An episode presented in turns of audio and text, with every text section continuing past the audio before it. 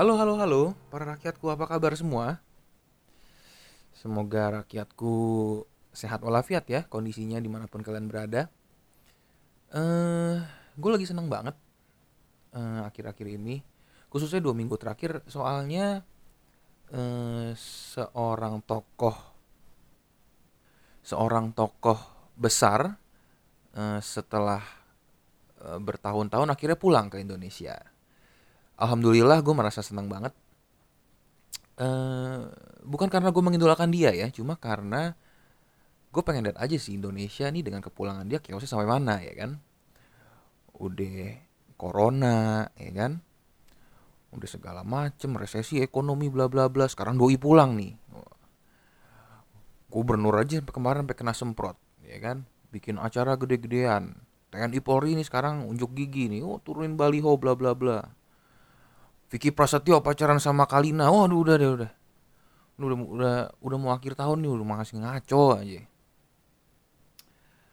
Oke, jadi di episode ke-6 hmm, tanggal 30 November jam 3 pagi atas permintaan follower-follower gue yang jumlahnya nggak nyampe 10 orang itu eh, mereka minta untuk ngebahas sesuatu fenomena fenomenanya itu adalah sosial media atau sosmed. Nih ya nasib follower nggak banyak tuh gini nih ya. Minta apa pun ya udah kita ikutin dah biar biar nggak hilang dah gitu followernya gitu kan. Kalau misalnya follower udah sepuluh ribu, seratus ribu mah, ah lu minta apa juga gue diemin ya kan. Gak apa-apa, namanya masih awal-awal ya kan. Oke, jadi eh, pembahasan tentang sosial media. Sosial media tuh kayaknya udah bagian dari kehidupan kita sehari-hari nggak sih sekarang? Zaman dulu orang mungkin eh, kebutuhannya apa sih? Makan, sandang, papan, pangan gitu ya. Kayaknya kalau sekarang tuh harus ada wifi sama apa pun yang kita harus bersosial media lah gitu. Dan di Indonesia gue rasa 70% mungkin ya orang-orang udah bersosmed gitu. Kalau anak muda sih pasti kayak ah, kemungkinan besar punya lah gitu ya sama bapak gua aja punya ya kan? Tiba-tiba gua dapat notif nih di Instagram ya kan? Di like likein tuh sama bokap gua padahal dia nggak follow gue gitu kan? Aduh males banget. Pasti ada juga yang kayak gitu kan? Di stalking sama bonyoknya aduh. Nah jadi gue sendiri awal-awal tuh seneng untuk main sosmed. Eh apa nih gitu? Awalnya kan dulu kan dari Facebook dulu ya. Friendster sih kalau zaman gue gitu karena gue udah tua uh, tapi mulai masuk ke Facebook terus ke Instagram. Gue awal-awal tuh uh, seneng gitu misalnya main Instagram gitu ya, wih apa nih gitu? Ada uh, banyak yang seru-seru juga nih di sini gitu. Kayak keep up sama teman-teman gue gitu kan. Cuma pas kurang lebih 20 20 kira-kira kurang lebih dua tahun yang lalu uh, gue nih mulai ngerasa nih kok lama-lama makin gak seru ya? Makin gak fun ya iya sih masih banyak yang konten lucu-lucu atau info-info menarik gitu. Tapi kok ih lama-lama gue boring ya ngeliat begini-ginian nah semuanya endorsan foto ya begitu-begitu semua konten juga begitu-begitu semua. Uh, ini gue bahas konteksnya Instagram ya. Uh, gue sekarang nggak main Twitter. Uh, ya emang gue nggak punya Twitter sih. Uh, YouTube kapan-kapan gue bahas. Ini gue fokusnya mungkin ke Instagram sama ya nyerempet-nyerempet mungkin TikTok atau YouTube sedikit lah. YouTube eh TikTok gue juga nggak main ya. Ini disclaimer aja nih dikira gue anak-anak ala ikutan. Facebook udah nggak usah dibahas lah, udah masa lalu ya kan dark dark apa masa kegelapan itu mah. Oke, jadi gue akan start dari eh, tujuan kita apa sih bersosmed gitu menurut gue harus kembali ke tujuan dulu nih. Kita harus tahu kan tujuan kita mau ngapain sih main sosmed gitu. Kan pasti banyak ya orang macam-macam lah bikin sosmed. Uh, mungkin lo mau riset gitu. Atau mungkin lo mau kepo kepoin mantan ke kepoin gebetan ke atau siapa lah gitu. Atau mungkin lo connect uh, sama teman atau keluarga gitu. Apalagi yang mungkin udah uh, pindah kota atau pindah luar negeri gitu ya atau mungkin lu pengen berbisnis atau nyari duit uh, dengan branding dan kawan-kawan. Atau mungkin lu mau entertainment ya kan? Lu lu nontonin yang lo suka gitu misalnya yang oh, konten komedi atau apa gitu. Cari duit pun kan juga macam-macam caranya di uh, sosmed gitu. Ada yang mungkin untuk tools marketing untuk memperkenalkan atau jualan produk. Ada yang mungkin untuk uh, branding atau PR-nya perusahaan atau company. Ada juga yang open BO waduh. Ngomong-ngomong open BO ya lu sadar gak sih? Open BO tuh kalau lu perhatiin ya kalau lu analisis lagi nih ya itu tuh banyak kelasnya tuh. Ada yang level artis selebgram ya kan? Ada yang artis beneran. Ada yang tanda kutip sorry mbak mbak jablay ngekos di Kalimalang juga ada ya kan dari yang cara pemasarannya tuh halus. Kayak VIP artis kan oh, terselubung tuh. Sampai ada yang buka-bukaan baju di IG ya kan? Mending kalau barangnya bagus anjing burikan begitu.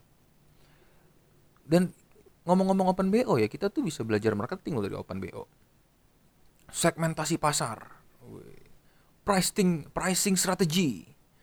Bahkan lu bisa belajar supply chain logistik warehouse-nya nih alias ngamarnya di mana ya kan logistiknya pakai apa nih diantrinnya pakai apa ya kan pakai taksi atau Grab misalnya atau mobil pribadi atau Angelo mungkin juga bisa antar jemput lonte ya. Tuh makanya Open BO tuh kita bisa mempelajari banyak hal tuh di situ. Kok gue paham ya? Nah, oke. Okay. Kembali ke tujuan main sosmed. Kalau gue sendiri main sosmed itu biasanya untuk uh, ngikutin berita. Khususnya kalau gue mungkin berita berita sepak bola ya karena gue penggemar sepak bola. Udah gitu gue menggunakan sosmed juga untuk uh, mencari referensi. Mencari referensi desain atau apa gitu kan banyak tuh yang bagus-bagus. Dan juga untuk uh, connect with my friends. Gue pengen ya gue kadang-kadang buka pengen tahu aja sih eh si si Eta si Eta uh, si ini apa kabarnya ya gitu atau apalah gitu maksudnya. Ya untuk untuk cari tahu catch up sama kabar teman-teman aja gitu. Walaupun kadang-kadang suka nggak jelas juga jadi kayak di like juga enggak kayak di oke okay, swipe apa lewatin aja lah bodo amat. Nah, nah tapi intinya eh, bermain sosmed itu semua tujuannya bener-bener aja ya kan? Yang yang jadi opini gue menurut gue yang menjadi masalah adalah saat mentality seseorang udah terpengaruh negatif karena sosmed ini. Gue akan membahas tentang positif dan negatif efek dari sosial media. Gue udah mencari dari berbagai sumber ya. By the way uh, salah satunya dari helpguide.org Forbes sama teknologi teknologi.org uh, eh, gue harus bacain nih sumbernya ya kan? Karena kalau gue nggak baca ntar dikira gue ngarang. Hoax nanti ngibul ya kan? Dan gue mencari sumber ini dari sumber yang jelas ya bukan dari sumber-sumber misalnya sinar zimbabwe.blogspot.com gitu misalnya enggak enggak ini sumbernya jelas Oke, kita sekarang bahas satu-satu dari mulai positif efek. Positif efek yang pertama adalah dengan masalah keterbukaannya informasi yang cepat beredar. Karena informasi cepat beredar, zaman sekarang lu kan mau riset atau mau belajar apa-apa jadi gampang ya kan. Lagi pandemi corona gini, oke deh, gue belajar masak di rumah. Nah, oke deh, gue belajar main alat musik, gue belajar melukis, atau apa pun lah. Sekarang kan gampang. Lu cari referensi apa pun gampang sekarang. Nggak usah lu ke museum atau ke perpus gitu. Hal ini kan maksudnya dibandingin zaman gue dulu ya. Besok nih ulangan biologi. Gue inget banget nih besok ulangan biologi sistem percerna pencernaan. Gue harus bayangin tuh makanan masuk dari mulut sampai keluar dari sorry uh, lubang anus itu dalam bentuk tai gitu ya. Gue harus bayangin tuh divisualisasiin gitu di pala gue gitu. Masalahnya kan kita kan nggak nggak bisa ngebayangin kadang kan kan ada orang yang nggak bisa ngebayangin secara visual gitu ya. Zaman dulu paling ada cuma apa sih model model orang yang di lab biologi itu paling gitu kan. Kalau sekarang bocah-bocah tinggal lihat animasi di YouTube itu udah jelas banget gitu. Nah dengan informasi cepat beredar juga kalau hoax atau apa kan mungkin ada beberapa yang gampang dilurusin gitu ya. Dengan power of netizen gitu. Misalnya di informasi eh, oh si A selingkuh. Nanti ada tuh orang-orang kurang kerjaan yang enggak kok ini bohong. Nah, kayak gitu gitulah atau misalnya ada hate speech gitu tuh gampang di track lah orangnya. Dan juga itu kan karena informasi cepat beredar kita gampang mengakses konten-konten positif. Misalnya tadi salah satunya yang biologi kan itu ya masuknya edukasi gitu ya lu juga bisa akses konten-konten yang positif gitu misalnya social awareness. Misalnya kalau kayak sekarang uh, lagi corona ada pandemi talks misalnya. Terus misalnya teman teman gue juga banyak yang nonton TEDx misalnya tentang ya orang sharing bla bla bla gitu tentang sesuatu hal yang motiva motivasi lah gitu. Ini ada bagusnya nih karena dengan lu ngeliat hal yang positif kan kita jadi mental state-nya jadi bagus gitu jadi positif gitu. Dan juga lu nyari hiburan gampang lu pengen aduh gue pengen putar lagu. Ah oke okay, Spotify YouTube.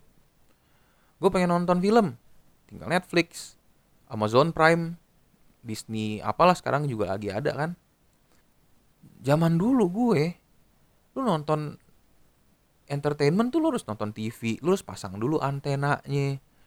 Udah gitu kadang-kadang kalau kalau gambar di TV-nya semut-semut tuh lagi jelek gitu lu antenanya harus digeser-geser dulu diputer-puter dulu gitu bahkan zaman pas HP udah ada nih zaman zaman gue kan HP Nokia eh dulu ya. Itu tuh lu harus download dulu ya kan? Lu harus download dulu lagunya nih MP3 bajakan ya kan? Masukin ke HP satu-satu. Mana kalau misalnya MP3 bajakan kadang-kadang kan suaranya nggak jelas gitu nggak clear gitu. Nah udah gitu lu kalau misalnya ada yang pengen nonton uh, behind the scene gitu atau misalnya interview musisi atau artis sekarang mah gampang lo tinggal nge-YouTube. Zaman dulu untuk mendapatkan konten-konten gitu kan harus harus beli DVD spesial edition gitu. Misalnya baru dapat konten oh nih behind the scene-nya Lord of the Rings gitu atau apa gitu. Nah selain informasi yang cepat beredar tadi eh, kita kan juga positif sosial media adalah kemudahan teknologi. Ya GoPay, Gojek, OVO, bla bla bla, online banking segala macam mempermudah kita gitu. Dan juga kita juga sekarang kan lu ngerasa kita gampang connect ya kan. Mendekatkan yang jauh jadi alang jadi ajang silaturahmi gitu. Tadi mungkin gue udah sempat singgung lo jadi gampang sama teman-teman teman SD lo yang ya ya sekarang mungkin udah pindah ke luar negeri gitu ya lu jadi gampang kan connect eh apa kabar lo gitu itu kenapa ya kayak mungkin nih gue pikir orang-orang tua gitu kan demen banget pakai WA gitu ya. Mungkin mereka kan zaman dulu mungkin udah terpisah berpuluh-puluh tahun eh tiba-tiba ketemu lagi gitu sama temennya atau sama uh, long last long lost love-nya dulu gitu kan. Gebetannya pas SMA nih gitu atau apa gitu kan. Nah, sekarang itu jadi cepet gitu. Lo nggak butuh nunggu surat yang berminggu-minggu nih datangnya gitu nungguin pos gitu kan nggak ada gitu. Lu juga gampang terkonek dengan orang-orang yang punya kesamaan background sama lo gitu. Kalau misalnya lo penggemar klub Juventus gitu, lo masuk oh grup Juventini gitu. Sam iya kapan nih kita nobar bareng atau futsal bareng kan jadi gampang. Atau misalnya lo anak motor, weh gue pengen tahu tentang motor lebih jauh nih, gabung komunitas motor. Atau mungkin kalau lo masih bocah labil dan berisik, mungkin lo bisa gabung ke fans club K-pop. Nah, gitu. Nah, gampang connect itu juga membuat kan lu jadi ya lu gampang lah nyari teman baru atau gebetan. Ya mungkin tadi selain kesamaan background tadi ya cuma maksudnya lu gampang lah. Tinggal DM DM apa gitu. Tapi ya itu juga kalau ada pendengar yang jago nyari gebetan lewat sosmed tolong ajarin gue ya kayak gue tuh ngerti sumpah caranya nih gimana sih ini Tinder aja udah jarang match nih kan? Aduh lama-lama gue jadi jablay ya kan? Jarang dibelai. Oke okay, uh, eh, positif efek yang lain adalah mungkin tentang kesempatan. Menurut gue tuh kesempatan sangat terbuka banget ya. Sekarang setiap orang yang punya suara gitu bisa tampil nih ke permukaan gitu. Lewat podcast lewat YouTube channel lewat uh, Instagram apa pun lah itu. Terus tadi juga lu mudah memperkenalkan bisnis baru gitu loh karya karya lu lukisan musik atau apa pun atau lu pengen jualan produk bla bla bla lu bisa jualan ke luar negeri gitu lu bisa jualan ke US tinggal kirim barang tanpa lu perlu ke US gitu kan sekarang. Juga sekarang kan eh, kesempatan untuk fundraising atau social awareness issue yang penting gitu kan itu kan semua punya kesempatan untuk naik ke permukaan gitu loh ya, banyaklah platformnya kita bisa.com atau apa gitu loh membantu orang-orang yang kesulitan gitu. Dan jangan lupa ini untuk pria-pria kurang cuddling kayak gue nih ya, salah satu konten positif salah satu efek positif dari sosmed adalah banyak dede-dede seksi dan menggemaskan yang bisa kita akses gitu visualnya dengan mudah gitu kan. Video bokep artis juga gampang kesebar tuh ya kan segala gisel gitu kan itu tuh juga nah ngomong-ngomong tentang gisel itu salah satu contohnya tuh. Netizen kan langsung jadi Roy Suryo tuh semua. Wah ini baju bajunya yang dipakai di endorsan ini nih. Itu si cowoknya nih si ini nih. Balik lagi nih ya kalau zaman gue nih kalau ada video bokep artis keluar tuh susah banget dapatnya. Kalau teman dapat nih eh gue gua ada video bokep si ini nih. Eh bagi-bagi dong. Tuh lu harus pakai bluetooth kalau nggak infrared tuh filenya doang tuh 5 mega 5 megabyte aja tuh 3 GP itu udah lama banget nunggunya. Temen lu berangkat ke WC cabut udah gagal tuh ngirimnya. Nah by the way yang buat nonton yang belum nonton Gisel ya, ya itu silahkan kalian googling lah. Ketik aja Gisel bokep udah langsung muncul semua. Tapi ingat ya nyalain dulu VPN-nya sama filter save search di Google-nya lo matiin dulu. Jangan lupa tuh gengs oke tadi kita udah ngomongin tentang positif uh, efek sosial media. Uh, negatifnya apa sih? Nah kita harus sadar uh, sosial media ini kan di mana-mana ya seperti semua hal punya dua sisi uh, kayak pedang gitu ya dua mata pedang gitu ya. Ini juga ada positif dan negatifnya. Informasi cepat yang beredar tadi di positif punya juga negatifnya. Yang pertama misalnya hoax cepet banget sekarang beredar. Media black campaign di mana-mana kita ingat pas ya mungkin pilkada pilpres waduh udah out of proportion gitu kan. Selain dan juga selain kita gampang mengakses konten positif seperti edukasi kita juga gampang dapat referensi negatif. Ini sumpah ya gue tuh pernah dikasih sama teman gue tuh masih gue simpen sekarang. Dokumen PDF-nya Al Qaeda manual. Itu isinya tuh cara ngerakit bom gak usah lo cari ya, ntar kalau misalnya lo ngebom gereja ntar gue yang kena gitu kan gak usah tapi intinya kan ya gila men PDF ngerakit bom gitu nah bahaya gitu. Dan juga karena itu juga informasi cepat beredar lu gampang untuk membajak piracy karya orang-orang lain. Ngekat cuplikan wawancara seseorang atau stand up seseorang di-cut gitu kan disebarin tapi out of context gitu.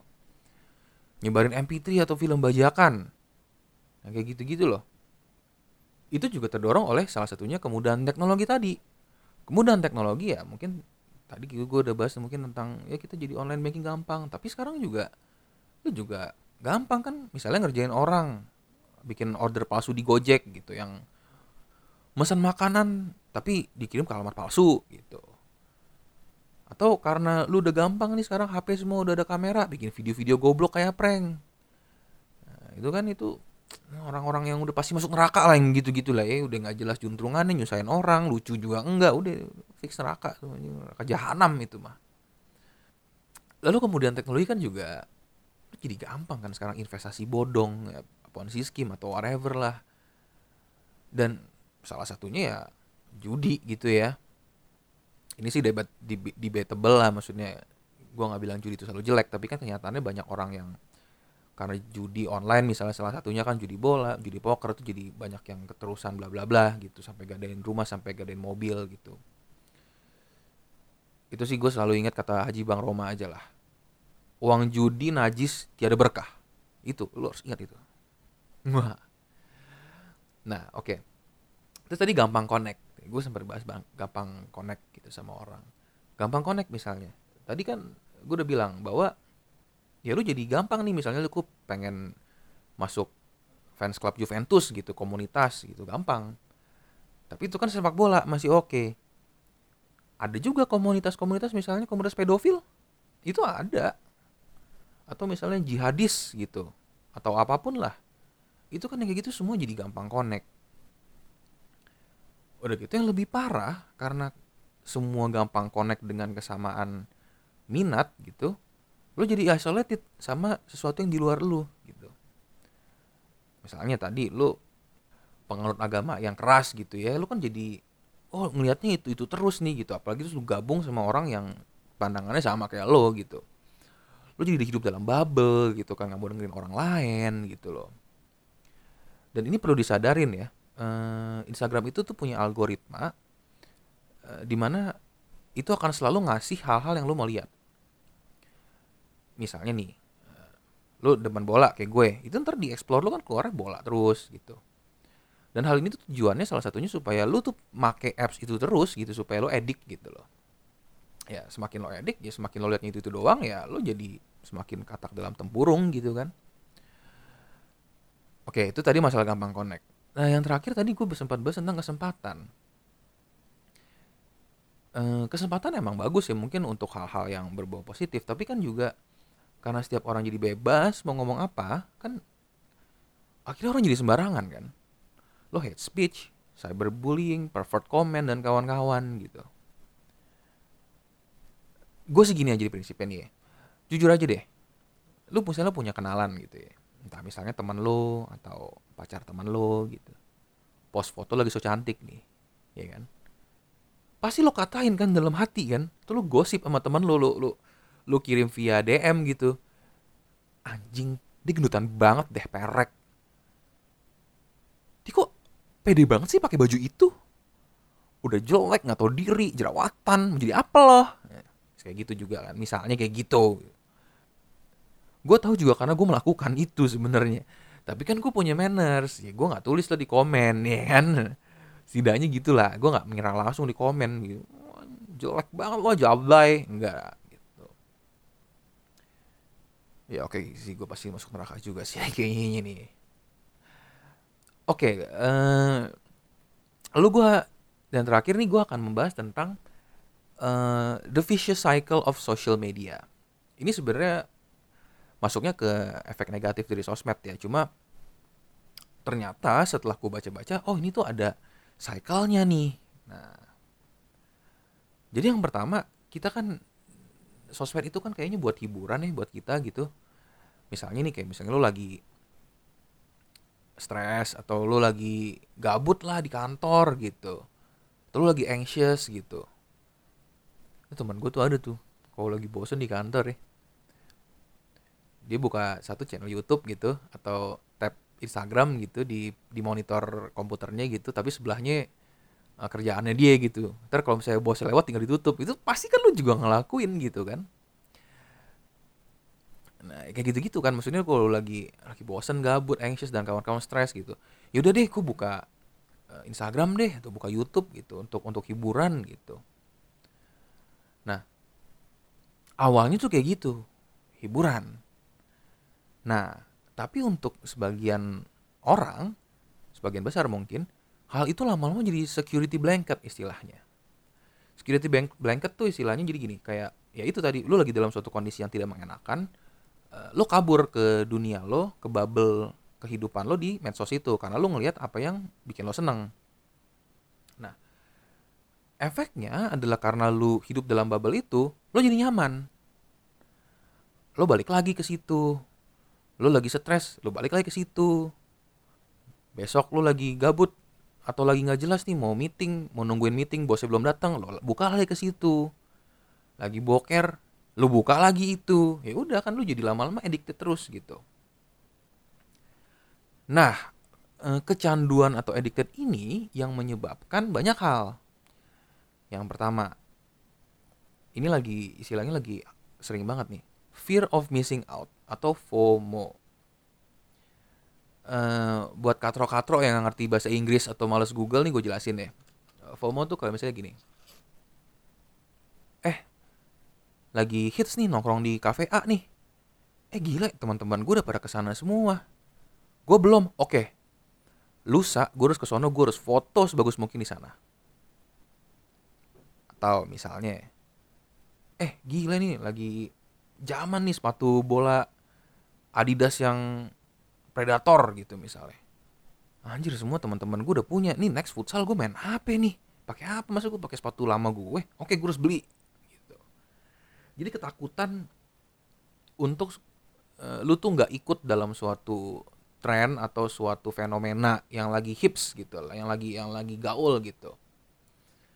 Nah, FOMO ini sebenarnya kan dari zaman dulu juga gitu ya, semua orang namanya pengen ikut tren gitu. Cuma karena sosial media, lu konstan bertemu layar dan konten tersebut, lu jadi anjir gue makin takut ketinggalan zaman nih gitu. Itu FOMO. Kecanduan atau addicted itu juga menyebabkan dissatisfaction. Ya lo ngeliat orang yang lo follow ya mungkin hidupnya keren bla bla bla gitu kayak happy banget gitu kan lo jadi comparing sama orang itu gitu eh, yang kelihatannya tuh sempurna banget gitu. Jadi kan lo jadi ngerasa tanda kutip ya ada irinya lah gitu kan. Lo jadi punya unrealistic expectation makanya lo jadi dissatisfaction sama lo jadi nggak suka sama kehidupan real lo gitu. Uh, dan ada studi dari University of Pennsylvania bahwa high usage of Facebook, Snapchat, dan Instagram itu terbukti gitu meningkatkan rasa kesepian dan ya efek-efek tadi gitu misalnya ya yang dissatisfaction dan kawan-kawan gitu loh. Nah, karena lu udah merasakan negatif-negatif kayak gitu, kan lo makin stres dong. Lo makin negatif feeling nih. Anjing, gue masih kerja masih gini-gini aja nih teman gue udah beli mobil gitu kan nah karena lu makin kayak gitu lu makin depresi lu makin anxious udah gitu karena lu edik lu nggak ketemu orang lain gitu kan padahal kan uh, ketemu orang lain ngobrol gitu itu kan penting untuk kesehatan mental lo karena udah kayak gitu terus apa yang lo lakuin balik ke security blanket lo tadi makin parah lo main sosmed ya udah itu terus terusan aja menjadi cycle yang evil cycle yang susah lepasnya gitu rantai yang ngaco banget gitu loh. Nah, semoga informasi tadi cukup berguna ya. Mungkin lu pada tahu, udah pada tahu lah. Pasti kalian pada pinter-pinter. Kecuali kalian masih BG labil yang tadi balik lagi gabung di grup Korea itu ya, itu sih mungkin goblok lah. Ya itu tadi semoga info, informasinya berguna ya untuk kalian gitu. Cuma hari ini gue nggak mau ngasih konklusi dulu. Kenapa? Karena ini ada part 2 nya nih di mana nih kalau harusnya lu sefrekuensi sama gue lu bakal ketawa sih anjing gue berasa pede banget ya gue berasa kayak komeng gitu loh lucu gitu padahal sih setiap kali gue nongkrong teman-teman gue pada diem kalau gue ngelawak uh, oke okay, jadi maksudnya uh, eh, gue akan ngebahas part 2 nya itu masalah bagian yang menurut gue ini lucu-lucu gitu fenomena-fenomena yang gue udah perhatiin sejak lama nih cuma kok ini kenapa sih orang, -orang pada norak gitu ya nah itu gue akan bahas di next episode. Oke, okay? stay tune, and good night to you all.